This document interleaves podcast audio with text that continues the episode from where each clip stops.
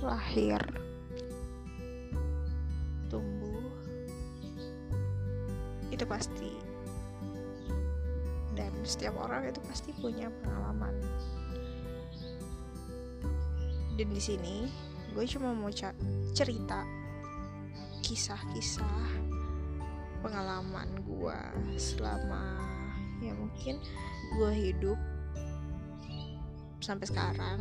Dan bukan cuma gue sih sebenarnya ya pengalaman gue dan orang di sekitar gue dan